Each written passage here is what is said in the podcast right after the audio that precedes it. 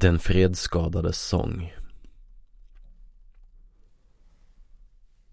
Varje land är en härlig palett, tänker Sven. Han avlöser sina hängslen, lägger upp ena foten på den indiska kudden så att tidningen faller ner på golvet. Dammet lägger sig på skärmen som Gunilla putsade idag. Ett öga i skyn.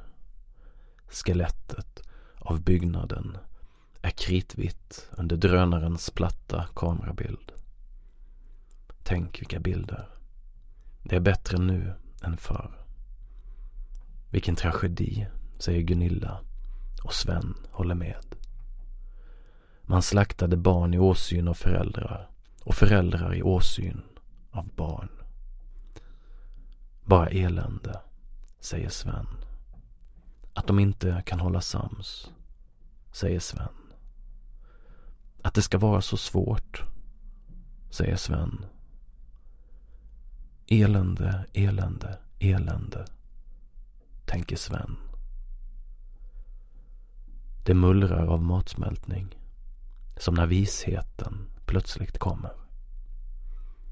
Det är ingen som kan vinna det kriget, säger Gunilla. I ett mer anmärkningsvärt kvarter väntar en skribent mot krig på att den holländska kaffemaskinen ska bli färdig. Det rosslar, han längtar till ordbehandlaren. Så som ordet längtar efter tryckeriet.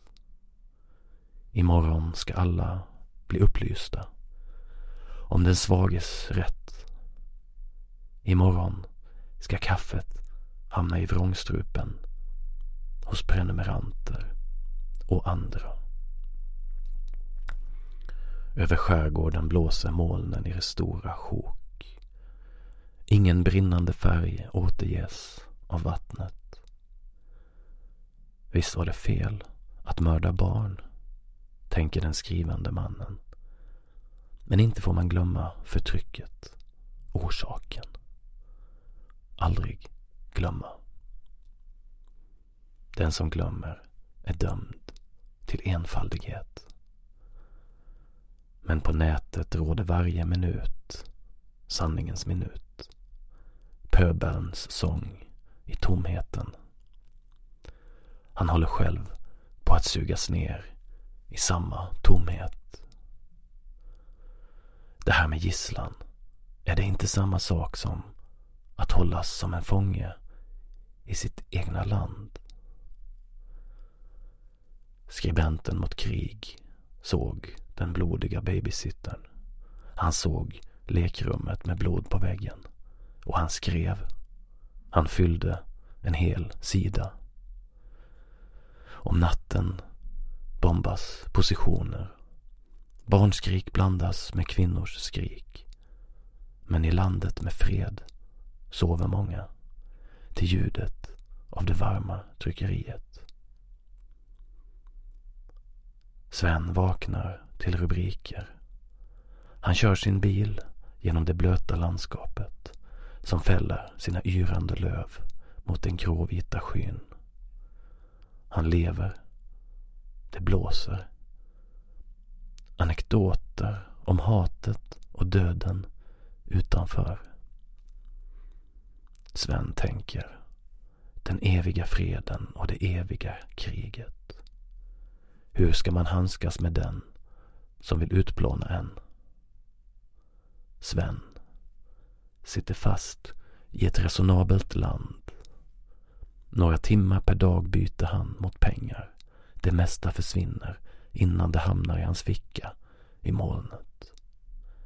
Det förvaltas av sunda krafter. Han behöver inte veta mer. Den onda roten ska utrotas inom 24 timmar, säger radion. Det kommer involvera 1,1 miljoner människor. Lämna era byggnader där de använder er som sina mänskliga sköldar. Och i Vetlanda smattrar ett tangentbord som försöker väcka det sovande folket till att världskriget kommer innan fredsförmedlaren Antikrist träder fram för att bedra många innan Jesus kommer tillbaka. Allt är skrivet sedan förr i den gamla boken Hesekiel. Undergången är nära.